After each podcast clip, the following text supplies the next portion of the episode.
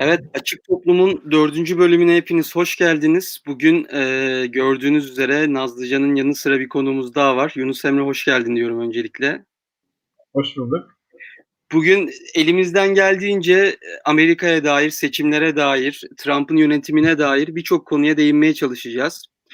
Eee, tabii ki Trump çok tartışmalı bir figür hâline geldi ama en genele baktığımızda özellikle Trump'ın, Erdoğan'ın, Bolsonaro'nun bu tarz liderlerin aslında diğer liderler kadar bu süreçten kârlı çıkamadığını görüyoruz. Eee, özellikle Merkel gibi daha merkezî figürler, eee, çok büyük destek oranlarıyla bu süreçten çıktılar.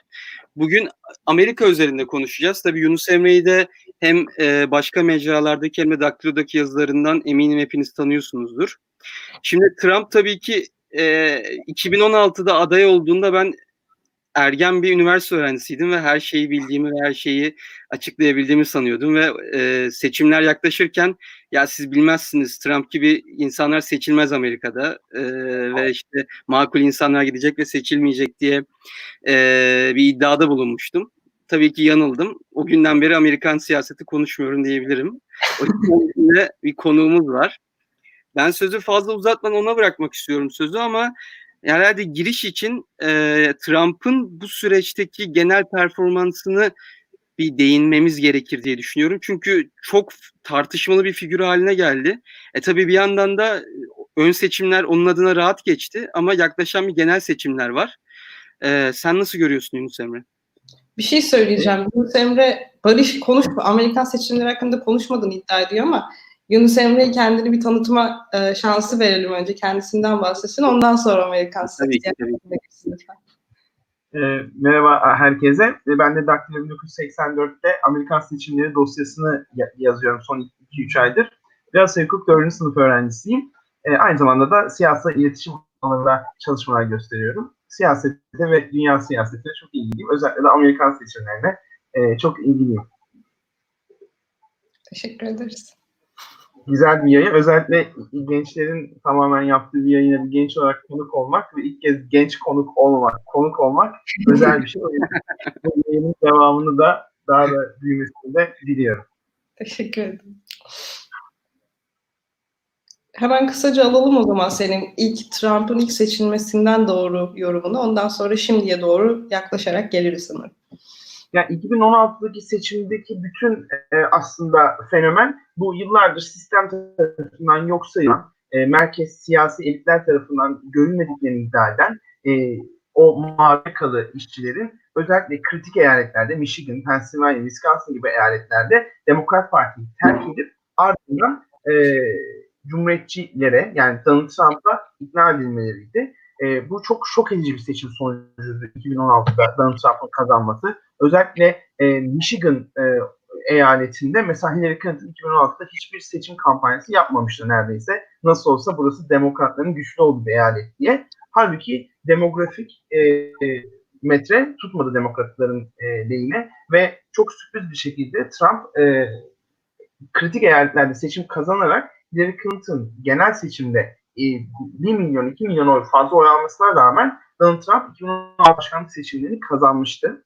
2020'deki, eee, hikâye ise birazcık daha farklı. Şimdi Donald Trump'ın yaptığı icraatlar, eee, yerine getirdiği seçim vaatleri var ve genellikle görevdeki başkanın seçilmemesi oldukça düşük bir olasılık. En son Jimmy Carter da bunu görmüştü ki kendisi oldukça popüler olmayan bir başkandı.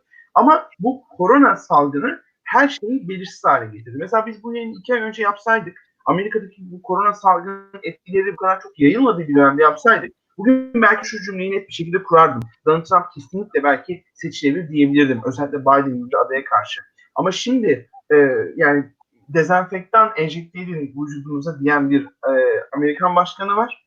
Bir yandan, eee, kor 2 ay önce korona gripten daha hafif diyordu.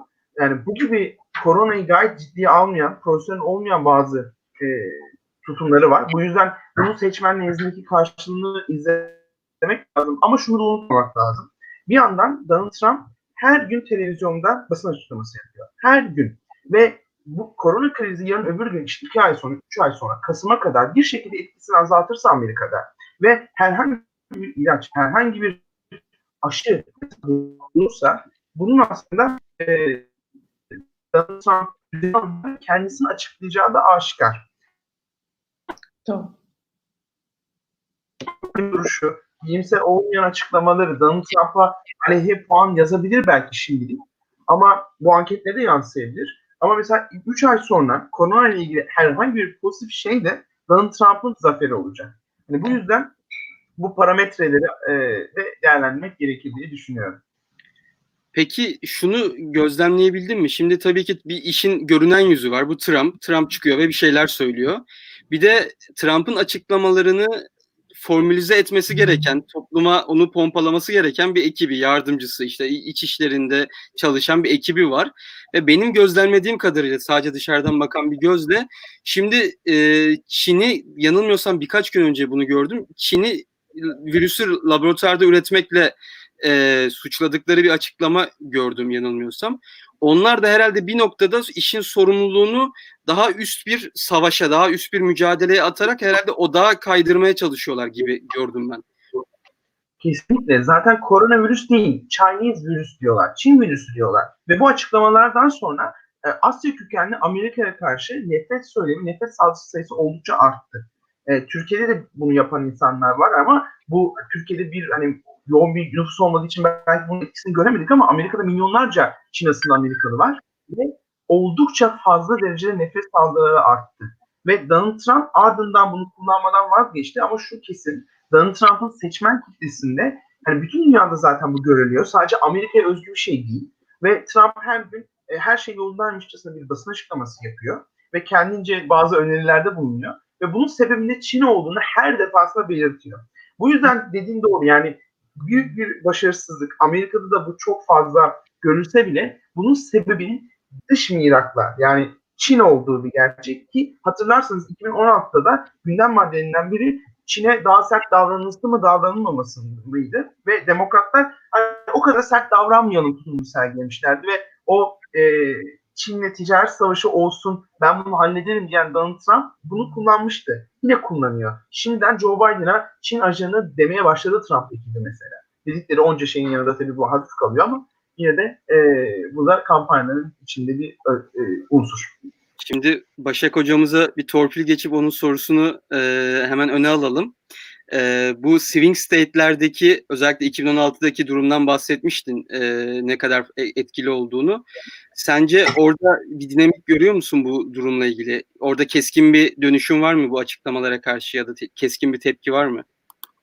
Yani öz, anketlere baktığımız zaman e, Michigan, Pennsylvania, North Carolina hatta Texas'ta Biden son bir aydır önde gözüküyor. %3, %4 fazla. Bu gibi eyaletlerde anketlere göre önde gözüküyor. Ama ben açıkçası Amerika seçimlerini takip ederken anketlere o kadar çok güvenmiyorum. Çünkü 2016'da tam tersi e, Hillary Clinton başkandı anketlere göre. Ama şunu da unutmamak lazım. Joe Biden Hillary Clinton değil. Hillary Clinton mavi yakalı beyaz seçmene demokratların yıllardır tabi olarak oy aldığı yani o regular Joe dediğimiz sıradan Joe'ya antipatik gelen bir isim. Bunun Hillary Clinton'ın biraz daha elit durmasının da bir payı var. İkincisi özellikle Amerikan seçmeninin cinsiyetçi olmasının da önemli bir çoğunluğunun payı var. Joe Biden'ın e, sempatik olması ki kendisi son e, 40 yıldır hep kendini ben en yoksul siyasetçiyim. Halkın dilinden konuşuyorum. Mesela sık sık gaf yapar ve bu gaflarını işte bakın ben de halktan biriyim tarzında e, sempatik göstermeye çalışır. Yani o yüzden Joe Biden'ın o mavi yakalı seçmene sempatik gelmesi e, ve özellikle Pennsylvania doğumlu olması bu swing state'lerden biri de Pennsylvania. E, bu yüzden de e, özellikle swing state'leri de Joe Biden'ın kazanma ihtimali yüksek olduğu için zaten belli bir seçmen kitlesi ön seçimde Joe Biden'a oy vermişti. Bu yüzden buralarda kampanya yapması e, çok fazla olacak ama kampanya yapılır, yapabilecek mi? Online'dan yürüttüğü zaman yani o kadar az kişi izliyor ki bu yayınları. Donald evet. Trump'ın bir yayını belki aynı anda televizyonlarda o basın açıklamasını milyonlarca kişi izliyor. Ama Joe Biden'ın en çok izlenen yayını 400 bin kişiye ancak ulaşabiliyor ve, ve 400 bin kişi ulaşınca alkışlıyorlar. Yani bu yüzden acaba o Joe Biden'ın swing state'lerde sevilmesi, oradaki demokratları mobilize etme olasılığı işe yarayacak mı? Özellikle korona zamanında işe yarayacak mı? Bu birazcık sıkıntıya girdi. Ama şunu söylemek doğru olur diye düşünüyorum. Yani Bernie Sanders ya da başka bir solo day olsaydı belki özellikle swing state'lerde ki küskün Trump seçmenlerini tekrar Demokrat Parti'ye alma konusunda sıkıntı yaşayabilecekti. Özellikle bir orta sınıf ve üstü, birazcık daha banyolerde oturan orta sınıf aileleri. Ama şimdi de şunu da söylüyor sol kanat. Bernie Sanders olmadığı için de şimdi işçi sınıfını geri alamayacağız. Yine sisteme karşı öfkelerini Joe Biden sistemin bir parçası değil, Trump'a yönlendirecekler de diyorlar. Bunun ne kadar doğru olduğunu göreceğiz. 2020 seçimlerinden sonra sandıklarda hangi demokratik grubun olduğunu göreceğiz. Tabii burada Joe Biden'ın başkan yardımcısının kim olacağının hani o kadar fazla önemi var. İlk defa bir başkan yardımcısının bu kadar önemi var. Onu Evet, oradan- O da Oraya hemen zaten atlamış olalım bu vesileyle. Şimdi hepimizin az çok takip edenlerin bildiği bir şey vardır. Hani Amerika'da siyaset çok uzun soluklu bir şeydir. Bazen başkan adayları seçilmekten başka e, seçilmekten çok daha şeyler ifade edebilir bazen adaylıkta yarışmak, bu süreçlere dahil olmak ve özellikle başkan adaylarının da ve, ve yardımcılarının da ileride siyasetin ne kadar içinde kaldığını biliyoruz. O yüzden başkan yardımcısı ve Trump gibi bir adaya karşı çok kritik olacak. Şimdi e, tabii ki senin yazılarında da yaptığın yorumlarda da görmüştüm. Şimdi bir takım anladığım kadarıyla yarıştan çekilen başkan adayları e, tabiri caizse yanlamaya çalışıyorlar e, bazıları başkan adayı olma doğrultusunda. E, bu süreç devam ederken e, sağlık durumunu tabii ki konuşacağız. E, ama herhalde yayından önce de konuşuyorduk. Şunu belirtmekte fayda var. Sen de doğrularsın diye düşünüyorum. Joe Biden bir dönem aday olacağını herhalde sinyalini veriyor gibi bir durum var değil mi? Evet yani bunu e, kampanyasından sızdırıldı bu. Sadece bir dönem aday olacak diye. Sonra yalanladı. Ama zaten hani mantıken 84 yaşında olacak 2024'te. Hani bir daha aday olmasının hani artık mantıken bir şey yok. Ama ikincisi de yine sağlık durumu el verirse de e, yapmayacağını farz ediyor. E, yor, yor ister. Ama Joe Biden bunu yalanladı. Tabii bir de şeyi düşünmek lazım yani. Eğer seçilirse e, dönemi sürecinde de e, VP'sine çok fazla iş düşecek. Çünkü kendisi çok mobil bir insan değil. Yani şu andaki VP'si hem geleceği e, etkiliyor hem de bir sonraki dönemi en direkt bir şekilde etkiliyordu. Bu noktada işte tam o yanlayan adaylardan bahsederken bir de bir Clinton'ın, Hillary Clinton'ın çok enteresan bir tweet'i geldi yanılmıyorsam 3-4 gün önce. Onun da tekrar devreye gireceğine dair söylentiler çıktı. E şimdi az önce söylediğine göre Clinton biraz hani ismi var ama hani o kadar da müthiş bir başkan yardımcısı olur mu? Herhalde biraz sen şüphelisin diye düşünüyorum. Senin bu konuda bakış açın ne? Başkan adayı kim ol? Öncelikle kim ol olacak sence ve kim olmalı daha da ziyade? ya Demokrat Parti'de bir kitle var. Yani kitle demeyelim. Demokrat Parti'nin üst düzeyinde bir grup var. Yani bunlar etkin görevdeki insanlar. Bunlar her e, bir pozisyon söz konusu olduğu zaman Hillary Clinton olsun diye haber sızdırırlar. yani bu e, gerek VP olsun, gerek e, Anayasa Mahkemesi üyeliği olsun, gerek senatörlük olsun her zaman Hillary Clinton e, değerlendirilir. E, bir medya sızdırılır. E, genellikle Huffington Post'ta görürüz bunu. E, onun Hillary Clinton'la birazcık daha yakınlar. Ama bu böyle bir şey olmayacak. Hillary Clinton'ın başkan yardımcısı e, adayı gösterme şansı yok. Hillary Clinton e, demokratların sözde en kolay rakibine yenilmiş bir yenik lider. Yani karizması gerçekten de e, çok fazla yok parti içerisinde. E, en olası başkan yardımcısı adayları Joe Biden illa bir kadın olacağını söyledi. Ki bunu zaten e, yapmak zorunda. Çünkü 2016 seçimlerini Donald Trump kazanmıştı. 2018 ara seçimlerinde Donald Trump'ın kazandığı e, seçim bölgelerinde demokratlar ara seçimlerde e, seçimler kazandı ve e, temsilciler meclisini tekrardan ele geçirdiler. O seçimlerde en çok e, oy veren ve en çok sandığa giden kitle kadınlardı. Şimdi Hı. bu noktada kadın oyunun mobilize etmek için zaten şarttı. Şimdi siyahi bir kadın mı, beyaz bir kadın mı tartışması var. Çünkü 2000, e, Obama'ya o 2008'de, 2012'de oy veren siyahiler daha az bir oranda 2016'da sandığa gitmişti. Ve böylece aslında Michigan'daki siyahi seçmenin önemli kısmı mesela sandığa gitmemişti. Michigan çok az bir farkla kaybedildi 2016'da. Bu yüzden siyahi bir kadın başkan yardımcısı seçme e, seçeneği masada. Hispanik bir kadın seçme e, seçeneği de masada. Ve e, Elizabeth Warren ismi var. Şimdi Elizabeth Warren'ın sol seçmeni konsolide etmek, Bernie Sanders e, seçmenlerine, ön, e, seçmenlerini ön seçimde Bernie Sanders ama işte genel seçimde kimseye vermem diyen seçmenleri ikna etmek için Elizabeth Warren ismi konuşuluyor. Kamala Harris, Stacey Abrams ve Atlanta e, Belediye Başkanı, şu anda adını unuttum. E, onun isimleri de siyahi kadınlar içerisinde değer, değerlendiriliyor. Ve Nevada senatör, senatörü Cortez'in ismi e, değerlendiriyor Hispanik kadınlar içerisinde. Yani benim şahsi görüşüm adayın Kamala Harris olacağı şeyinde. Çünkü diğer isimler hani Stacey Abrams falan bunlar çok e, tecrübeye sahip değil. Yani evet çok popüler isimler. Evet gayet ülke e, medyasına yer alan isimler. Ama Kamala Harris'in bir e, senatörlük tecrübesi var. Bir e, Kaliforniya savcılığı e, tecrübesi var. Bu yüzden bir devlet tecrübesi var. Ama mesela Elizabeth Warren'ın Kamala Harris'in çok değerlendirdiğini okuyorum. Yani Elizabeth Warren'ın e, çok fazla e, Joe Biden tarafından aşırı derecede hani seçim olasılığının düşük olmasının sebebi de hani beyaz olması. Çünkü iki beyazla seçime ekmek istemiyor demokratlar ama Elizabeth Warren da sol seçmenin oyunu alabilecek e, bir seçmen, e, bir aday. E, ama tabii şu, şunu da diyenler var. Twitter'a baktığınız zaman Bernie Sanders destekçileri Elizabeth Warren'ı da sevmiyorlar. İşte o olursa yine vermeyiz. O zaten onlardan biri. Solcu değil. İşte onlar kimse beğenmedikleri için.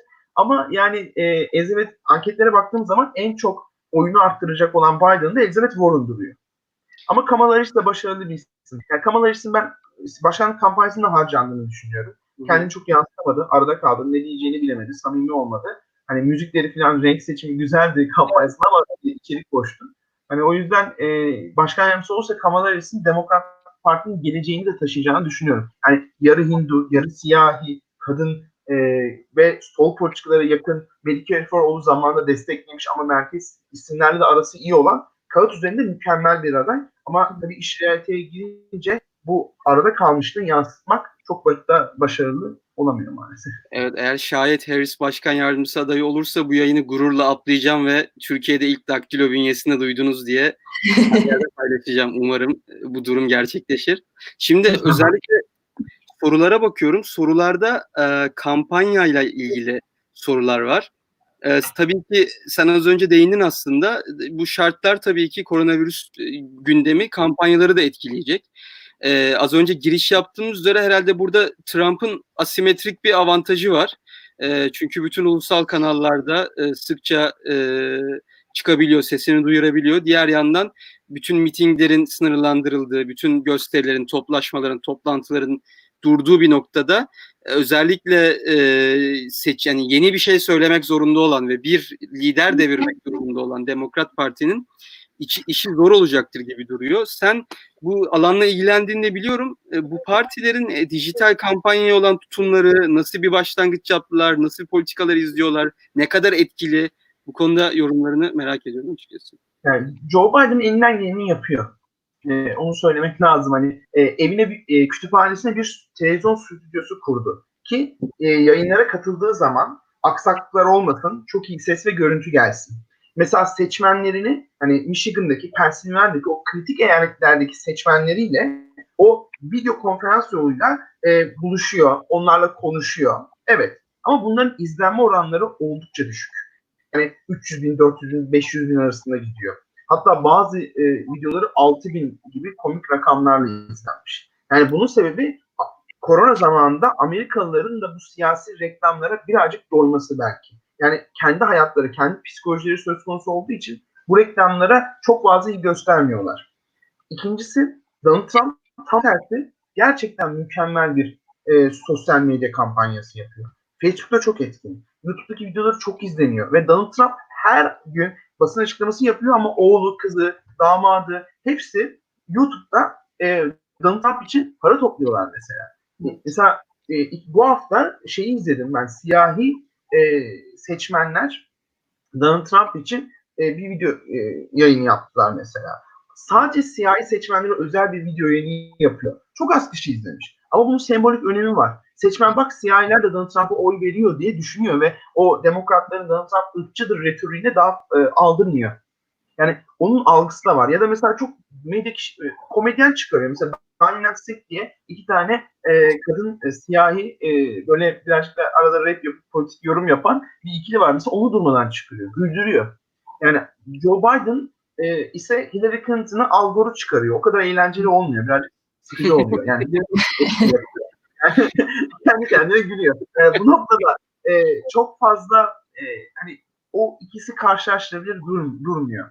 Yani Joe Biden'ın iddiası benim seçmenim hani e, de beni izlemesin de gidip bana oy verecek ismimden dolayı çok tanımıyorum gibi iddialar. Ama bunu göreceğiz. Ama şu anda şunu söylemek lazım. Evet hani Donald Trump'ın görünürü daha fazla ve görünür olduğu zaman da çok kötü şeyler söylüyor. Seçmenle itici durabilir. Evet. Ama bir ay sonra bu korona nasıl Türkiye'de ve diğer Avrupa ülkelerinde normalleşme konuşulmaya başladı. Donald Trump da bir normalleşme paketi açıklayınca herhangi bir tıbbi gelişme Amerika'da açıklanınca hepimiz bunu izleyeceğiz. Ben buldum diyecek. Ki mesela bu hafta Fox News'e katıldı. Katıldığı yer e, Beyaz Saray değildi. Bir televizyon stüdyosu değildi. Abraham Lincoln anıtının önünden, anıtının dibinden canlı yayın gerçekleştirdi Fox News'te. iki saat. Yani arkada Lincoln var. O emekli bir şekilde o heykel duruyor. Hemen önünde Donald Trump televizyon programı gerçekleştirdi. Yani bu onun bu imaj çok farklı bir imaj. Bu yüzden e, Donald Trump'ı hani 2016'da da biz Türkiye'den bakınca seçilmez diyorduk. 2020'de de seçilmez diyor Türkiye'deki çoğu insan. Ama bu kadar basit bir olay. Yani Donald Trump'ın imajına ve kampanyasına baktığımız zaman ya özellikle mesela bu Joe Biden hakkındaki cinsel e, taciz suçlamaları. Yani demokratlar 2016'dan sonra Cumhuriyetçiler hakkındaki her iddiaya kadın beyanı esastır deyip, e, kadın haklıdır deyip e, cinsel taciz olmuştur, doğrudur, buna göre davranılmalı dediler. Aynı demokratlar şimdi Twitter'dan okuyun, Joe Biden çok düzgün bir insandır, asla yapmamıştır diye kadın beyanı esas değildir diyorlar. Yani bu e, Donald Trump tarafından bizzat kullanılmıyor. Çünkü aynı iddialar akla gelmesin diye kendisi hakkında. Ama Trump'ın ekibi bunu çok iyi kullanıyor. Yani bu Joe Biden 200'lüdür, bakın demokrat 200'lüdür. Hani kadın haklarını umursamıyorlar, tamamen siyasi diye çok iyi e, bunu kullanıyorlar. Hani demokratlar arasındaki en feminist mesela Kristen Gillibrand'dır. Kendi demokrat Al Franken cinsel taciz, taciz iddiaları çıkınca bile o, o, ona bir istifa etti. Şimdi bu olaydan bir hafta sonra Joe Biden için bizzat para biriktiriyor online'da. Yani bu o kadar çok e, tutarlı olmuyor. Ve bu iddialar konuşulmaya da başladı ve Joe Biden buna yeteri kadar cevap da verdi. Olmamıştır dedi. Bu arada açıldı. E, özellikle Trump'ın neden bu taciz iş- işini biraz ağırdan aldığını yani saldırma anlamında ağırdan aldığını hep merak etmiştim. Şu anda onun cevabını almış oldum. Gerçekten de e, bu meseleyi biraz şeyde tuttukça kendi de zarar görebilecek. Şu an e, şu an aydınlanma yaşamış oldum. Bir de gerçekten değinmeden geçemeyeceğim. Hani buradan varsa yetkilisi e, Joe Biden'ın kampanya ekibinden yani Al Gore ve Hillary Clinton'la yayın yapmak nedir yani? Ben ben izlemediğim yayını kapatasım geldi şu an iç sıkıntısından. Gerçekten Bizim Daktilo'da bizim yayınımızın neden daha çok izlendiğini açıklayan bir durum bence. Yani açıklandı zaten bu sonuçta. Bu Biden'a cevap hakkı oldu. Evet. Ya, bu sırada tabii ki cevap verdi. Ee, cevap vermedi değil ama şu, şu cevap vermek değil. Yani böyle bir ciddi bir iddia geldiği zaman bu olmamıştır ve arşivlere bakın. Hani mesela dedi ki senato e, sekreterine arşivler açılsın. Senato sekreteri dedi ki benim arşivleri açma şansım yok. Şimdi e, burada Joe Biden'ın bütün o arşivleri bizzat kendisi çıkarıp olayın yüzde yüz bir şekilde cevap vermesi lazım. Çünkü aynı hassasiyeti demokratlar cumhuriyetçilerden beklediler. Brett Kavanaugh e, şeyinde e, sorgulamasında gösterdikleri e, kriterleri Joe Biden uygulamıyorlar. Yani ben eski Michigan valisinden işte Demokrat Parti'nin yönetim kurulundan insanların şu, cüm şu cümleyi tweet attıklarını gördüm. Yani Joe Biden düzgün bir insandır böyle bir şey yapmaz dedi. Nancy Pelosi Temsilciler Meclisi sözcüsü dedi ki Joe is Joe dedi. Joe Joe'dur. Asla yapmaz bunu dedi. Böyle bir savunma olamaz. Yani çok bu işi ciddiye almadılar ve bu e, birazcık daha devam edecek. Mesela Alexander Ocasio-Cortez hala desteğini açıklamadı resmi olarak. Neden açıklamadı? Bu iddialar yüzünden açıklamadı. Twitter'da Alexander Ocasio-Cortez'in beğendiği tweetlere gidin. Joe Biden hakkındaki cinsel taciz suçlamalarını bahseden haberlerini likeliyor mesela. Hani bu bir mesajdır. Cortez'in desteğini aktif bir şekilde alamazsa genç oyu nasıl konser olacak? Me hareketinin arkasında mobilize olan gençler nasıl mobilize olacak? Bunların düşünmesi lazım. İşte burada da VP seçiminin bir an önce başlaması da bu yüzden. Hani bir e, kadın siyasi gelip bu işi e, Biden e, yapamadığı için kendisi cevaplayacak, kendisi halledecek. Joe Biden yapmayacak, masum. Sence şu an ertelenen e, ön seçimler yani kalan eyaletler şu an tabii ki sembolik bir havaya büründü ama özellikle yanılmıyorsam Bernie Sanders kampanya yapmaya yani seçimlerde e, pusulada olmaya devam edeceğini açıkladı. Sence e, başkan yardımcısı belirlenme süreci bu seçimlerin başlamasıyla orada bir hareketlenme olmasıyla alakalı olacak mı? Ya da Bernie Sanders tarafından böyle bir tabiri caizse pusuya yatma ve orada bir son bir hamle yapıp en azından kendilerine yakın bir adayı e, oraya sokma hamlesi bekliyor musun? Tabii ki Bernie Sanders'ın Elizabeth Warren'ın başkan yardımcısı olması, belli politikaların, sol politikaların özellikle Medicare, sağlık sigortası konusunda çünkü Joe Biden'ın planına göre sadece %97'ye sağlık hizmeti verilecek ücretsiz bir şekilde. %3 boş kalıyor. Bernie Sanders planı biraz daha genişletilmesi taraftarı. E, ve Elizabeth Warren'ın hani başkan yardımcılığını da bastırdıkları biliniyor. Özellikle sol e, kanadın. Ama tabii ki hani ön seçimler artık sembolik bir şekilde ilerliyor. Ee, özellikle gerçek bir şekilde iler, ilerlerken Joe Biden'ın %60 civarında çoğu yerde oy alması zaten hani sivil süpürmesi birazcık da buna e, sebep olmuştu. Ama e, şurası kesin e, şey yani o genç oyun sol kanadın mobilize olması, Demokrat Parti'nin kendi seçmenini kaybetmemesi için Bernie Sanders'a büyük iş düş, düşüyor ve Joe Biden büyük ihtimalle Bernie Sanders'a bazı tavsiyeler verecek. Özellikle ben bu son e, bu bir ay içerisinde bir e, sağlık e, planı bekliyorum Joe Biden'dan. Birazcık daha sola e, göz kırpan e, ve birazcık daha makul duran. Çünkü şu da bir gerçek. Korona günlerinde Amerikalılar gerçekten özel sağlık sigortası sisteminin sadece bunun olmasının, bir sosyal devletin sağlık sektöründe olmamasının sıkıntılarını bizzat yaşadılar. Artık hani büyük ihtimalle anketlerde gördüğünüz üzere o Medicare for All'a destek de arttı. E, büyük ihtimalle Joe Biden bunu kullanacak. Şimdi onun, onunla alakalı bir soruya geçmeden önce e, mavi yakalar e, tabii ki o da direkt sağlık sistemiyle alakalı bir yorum gelmiş. Keşke bu konu Çavuşescu'nun termometresinde konuşulsaydı diye. Sadece yazıklar olsun diyorum kendisine. Onlar da eminim çok kaliteli konuları konuşuyorlar ama şu an gerçekten bu içeriği Türkiye'de hiçbir yerde bulamazsınız. Bunu tekrar söylemek istiyorum. Ee, umarım iki yayını da izlemeye devam edersiniz ve bu karşılaştırmalara devam edersiniz tabii ki. Şimdi e, demin dediğin şeyle ilgili mavi yakalılarla ilgili bir soru gelmiş. Biz de yayının ortalarına doğru bahsettik aslında. Mavi yakanın Trump'ın seçilmesinde nasıl bir pozitif etki yarattığı ile ilgili olarak. E, şimdi tabii ki istediği kadar Trump toparlasın ya da dünya istediği kadar normallesin hep bahsettiğimiz bir yeni normal kavramı var aslında. Hani asla eskisi kadar normal olmayacak hiçbir şey. E bu da tabii ki aslında Amerika'da işsizliğin belli bir seviyenin üstünde olacağını, insanların güvencesizliğinin belli bir seviyede üstünde olacağını ve bu mavi yakalıların aslında belki de en çok etkilenen kesimlerden biri olacağını söylüyor aslında konuştuk ama bu e, şey noktasında özellikle sigorta tartışma noktasında belki birkaç cümle daha spesifik olarak söylemek istersin. Bu yeni normalin e, Trump'ın nasıl bir ikna çabası olacağını ya da demokratlar artık çok rahat bu konuda bazı seçmenleri aldı diyebilir miyiz? Yani bu e, şimdi seçmenlerin tek motivasyonu bu da değil açıkçası. Hı-hı. Özellikle e, mesela bu e, bazı mavi yakalı seçmenler, o State'deki e, Demokrat Parti'den Cumhuriyetçi Parti'ye gelen seçmenlerin e, bu dış politika, Suriye müdahaleleri, işte Afganistan'da asker bulunması gibi konularda da bazı çekinceleri vardı ve Trump'ın özellikle bu korona öncesi gündemini hatırlarsanız Kasım Süleyman'ın öldürülmesi, Suriye'den askerlerin çekilmesi bunlar Trump'ı oy veren seçmeni oldukça mutlu eden gelişmelerdi. Özellikle Çin'de ticaret savaşlarının arttırılması, bu sınırdaki güvenliğin arttırılması. Biz çok insan dışı manzaralar gördük. İşte çocukların e, kafeslere koyulması, işte orada insanlık dramlarının, insan ihlallerinin yaşanması. Ama bu göçmen karşıtı bir Trump seçmeni de mutlu eden bir şey. Çünkü artık diyor ki benim ülkemin sınırı güvende. Evet duvar yapamadı ama sınırı güven, güvenli bir hale getirdi diyor. Ve özellikle Trump bu göçmen karşıtı biraz da ırkçı duygular barındıran seçim için oldukça başarılı hamlelerdi bunlar.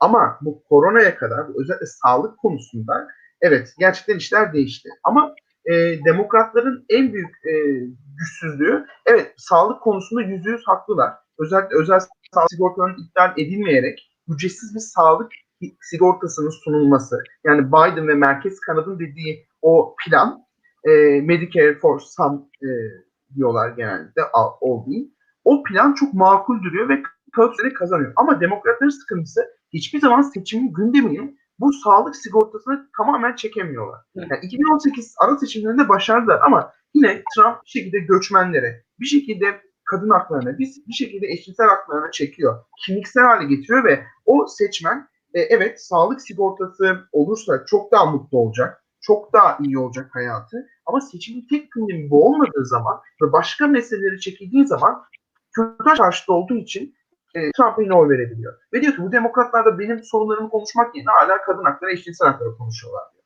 Ve tepkisini gösteriyor. Şimdi demokratlar da diyor ki biz bunları konuşmazsak kendi seçmenimizi ihanet etmiş oluruz. Ve bunu konuşmamız lazım kendi seçmenimizi mobilize etmek için. E bu ikilem arasında zaten seçim bitiyor. Yani Trump'ın adaylığı kesin, Joe Biden adaylığı kesin olması iki ay oldu. Trump 4 senedir kampanya yapıyor, Joe Biden 6 aydır kampanya yapıyor. Yani hem 6 ayda bir konu seçecek, hem bunu gündeme getirecek, hem VP seçecek. Yani Joe Biden işi çok zor ve Joe Biden bunları hızlı yapmak için de oldukça yavaş. Yani o yüzden bu gündemi de sağlığa tekrardan çekebilirler mi bilmiyorum. Ama burada tabii ki söz artık bilim adamlarına ve sağlıkçılara kalıyor. Eğer korona etkisini arttırırsa artık yüzde yüz olarak tek motivasyon bu olur tabii. Ama ne kadar etkisini arttıracak, ne kadar Amerika'da yayılacak bilmiyoruz. Ama şu an 500 binden fazla vaka sayısı var Amerika'da rekor yani. Hani çok fazla. Ve bazı yerlerde hastane yok. Yani Amerika'nın kırsal bölgelerinde hastane. Ve bundan bir ay önce bir çocuk parası olmadığı için özel bir hastaneden geri çevrildi ve e, acilden giremedi. Ve devlet hastanesine yönlendirdi ve sonra yoldayken vefat etti. Yani e, ve korona son, olduğu sonradan anlaşıldı. Yani bunlar çok dramatik hikaye ve bunlar çok duyuluyor. E, çok üzücü. Amerika'da da muhalefetin bu tarz konuları iyi e, manipüle edememesinden, iyi bir şekilde gündeme taşıyamamasından bahsedebiliriz sanırım. Muhalefetin benim bildiğim kadarıyla bir başka problemi Amerika'da aynı zamanda e, seçmenini e, şeye taşıması çok zor. Sandığa taşıması gerçekten zor oluyor. Yani ne kadar çok demokrat olsa bile yani genel olarak e, Demokrat Parti yanlısı olan insanlar Amerika'nın nüfusuna oranla e, Cumhuriyetçilerden fazla bile olsa çoğunlukla Cumhuriyetçiler öz- özellikle e, mavi yakalı Cumhuriyetçiler sandığa çok daha fazla gidiyorlar. Bunu işte beyaz yakalı şeylerle karşılaştırdığımızda, demokratlarla karşılaştırdığımızda. E, buna yönelik bir de şeyi gördüm. Sen gördün bilmiyorum ama e, bazı eyaletlerde postayla oy verme ile ilgili bazı değişimler ya da bazı e, oy şeyler sunulmuş, oylamalar sunulmuş. Bu konuda ne düş- ilki konusunda ne düşünüyorsun? Yani demokratları sandığa nasıl gönderebilir Amerika? Bir de e, bu postayla oy kullanma yöntemi aslında demokratların işine yarayan bir durum olabilir mi?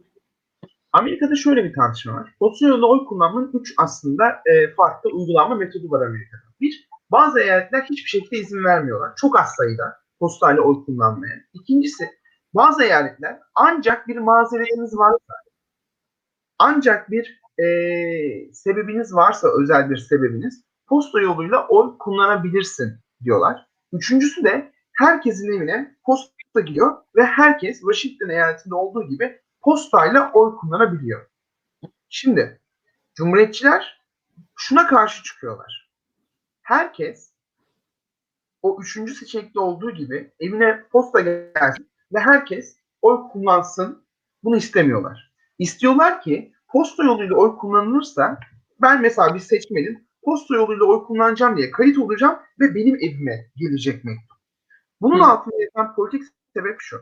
Amerika'da seçimlerde ülke genelinde tatil ilan edilmez. Bu nedenle yoksullar, işte e, dezavantajlı gruplar, özellikle çocuğuna bakmak zorunda olan kadınlar e, veya erkekler. Bunlar sandığa gidip oy e, kullanmakta dezavantajlıdır. Özellikle toplu ulaşımın gelişmediği yerlerde zaten çok zor.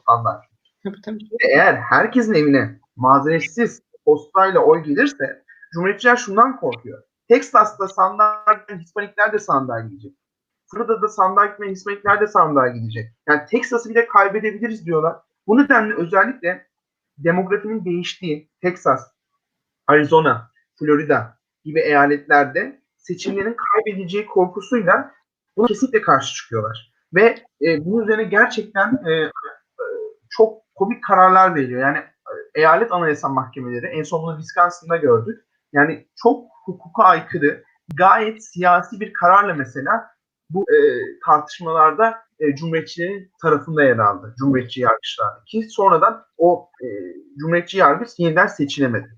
Yani bu gibi şeyler oldukça e, fazla görülüyor. Evet e, halk nezdindeki desteği çok fazla postayla oy vermenin ama Cumhuriyetçi e, senato, Cumhuriyetçi bir başkan, Cumhuriyetçi eyalet valileri olduğu sürece ve bazı eyaletlerde sen, eyalet senatoları ve temsilciler meclisi de Cumhuriyetçinin elinde buna izin vereceklerini düşünüyorum. Çünkü bunu yaparlarsa Trump'ın karşısında yani en kötü aday olsa bile kazanma ihtimali çok artar. Evet. Çünkü sandığa gitmeyen herkes mecburen oy kullanabilir. Yani evinize posta geliyor ve siz oy veriyorsunuz, bırakıyorsunuz ve oy veriyor. Aslında çok demokratik.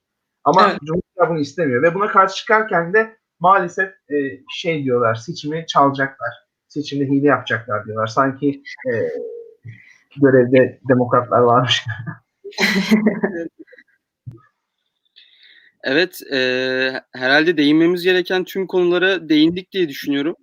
Eee, Yunus Emre senin eklemek istediğin bir şey var mı? Bayağı bir konuyu konuştuk, kampanyaları, seçim sürecini, başkan adaylıklarını.